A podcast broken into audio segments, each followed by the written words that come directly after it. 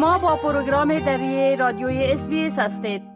حال با جاوید روستاپور خبرنگار برنامه دری برای جنوب آسیا. به تماس هستیم که اونا درباره رویدادهای مهم در ارتباط به افغانستان گزارش میتن آقای روستاپور سلام عرض می‌کنم خب اولتر از همه گفته میشه که کمیته جدیدن تأسیس شده حمایت از نظامیان درخواست کرده که ملل متحد باید از زندانهای طالبا دیدن کند چون تعداد اونا مدعی هستند که تعداد از نظامیان در این زندانها به سر می‌برند بله؟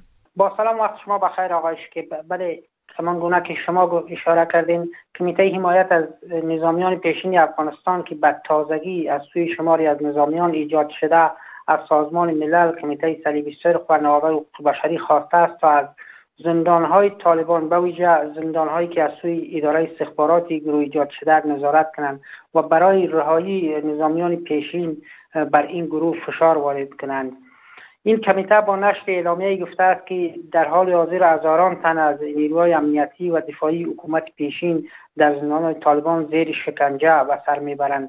در اعلامیه کمیته همچنان آمده که با در نظر داشت ادامه تعقیب بازداشت شکنجه توهین تحقیر و قتل نظامیان پیشین و خانوادهشان توسط طالبان نیاز است تا فشارهای بینالمللی بر طالبان افزایش یابد.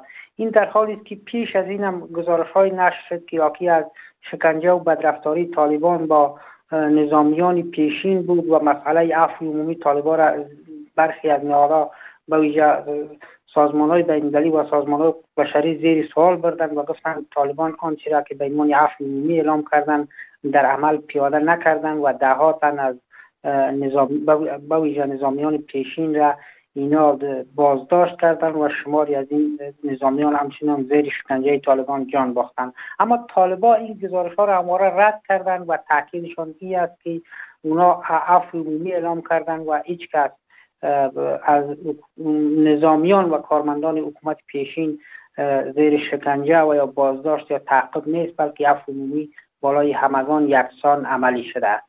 بله خب طالبا گفتن که 21 میلیون نفر در افغانستان با کمبود آب مواجه هستند و خواستار کمک شدن. بله.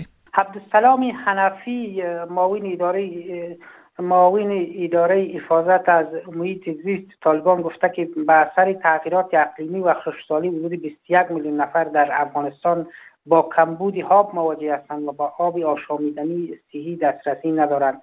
این مقام طالبان که در یک کنفرانس خبری در کابل صحبت می‌کرد گفت که تغییرات اقلیمی خسارات جبران ناپذیر به افغانستان وارد کرده و این خسارات به بخش زراعت مالداری و حیات وحش بیشتر وارد شده است. و گفته او سیلاب های غیر موسمی ناشی از تغییرات اقلیمی در سالهای اخیر در افغانستان جان بیش از 1730 نفر را گرفته و بیش از هفتاد هزار ایوان یا دام وحشی را اینا گفته که نابود ساخته. ای او همچنان افزود که به اثر این ها بیش از یک هزار بیش از چهارصد هزار هکتار زمین زراعتی گفت که نابود شده و همچنان 46 هزار هکتار باغ گفته سیلاب ها تخریب کردند. پیش از این هم سازمان ملل متحد نیز اعلام کرده بود که افغانستان از جمله دهها کشوری است که بیشترین آسیب را از تغییرات اقلیمی دیده و کمترین مسئولیت را در قبال این مسئله گفته بود که جهان در, در پیوند با مردم افغانستان به ویژه روستانشینان تا کنون کمک برشان کمک صورت گرفته. بله خب حکومت طالبا اعلان کرده که مراکز آموزشی را در ارتباط به راه آهن ایجاد می‌کنن بله؟ طالبان با نهادهای داخلی این کشور چندین جهت گسترش خطوط ریلی تفاهمنامه را برای ایجاد مراکز آموزشی راه آهن به امضا رساندن. اداره آموزش فنی و عرفه طالبان اعلام کرده که با یک نهاد دولتی و چهار نهاد خصوصی پنج تفاهمنامه را به امضا رسانده که ایجاد مراکز آموزش را آهن از مهمترین موارد آن است. فضل رحمان فاضل معاون اداره اداری و مالی اداره آموزش فنی و رفعی طالبان گفته که ایجاد و تاسیس مرکز آموزشی رای آهن تجهیزات مواد خام کتابخانه و آزمایشگاه همچنین بورسیه و آموزش های کوتاه مدت از موارد این تفاهم ها است او گفته که مشکلی کنونیشان در شرایط فعلی نبود کادر و پرسنل کافی در رابطه با مسائل رای آهن است. قابل یادآور است که رای آهن افغانستان به طور رسمی از طریق پروژه خط آهن روسیه و انگلستان در سال 1885 میلادی برنامه ریزی شد و شده بود. اما به دلیل مشکلات و تنش ها و درگیری های داخلی این خطوط فعال نشد و تا سالهای گذشتم افغانستان هیچ خط ریلی و متروی نداشت و نخستین مورد را چند سال پیش در مزار شریف و ایراد و طول چند کیلومتر خط راهن داخل افغانستان شد و طالبان تاکیدشان نیست که این خطوط ادامه میدین و شمال را به غرب افغانستان وصل خواهد کرد. بله خب بسیار تشکر از گزارشتان آقای روستاپور.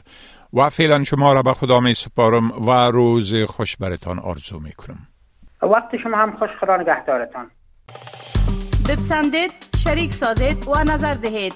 اسپیس دری را در فیسبوک تعقیب کنید.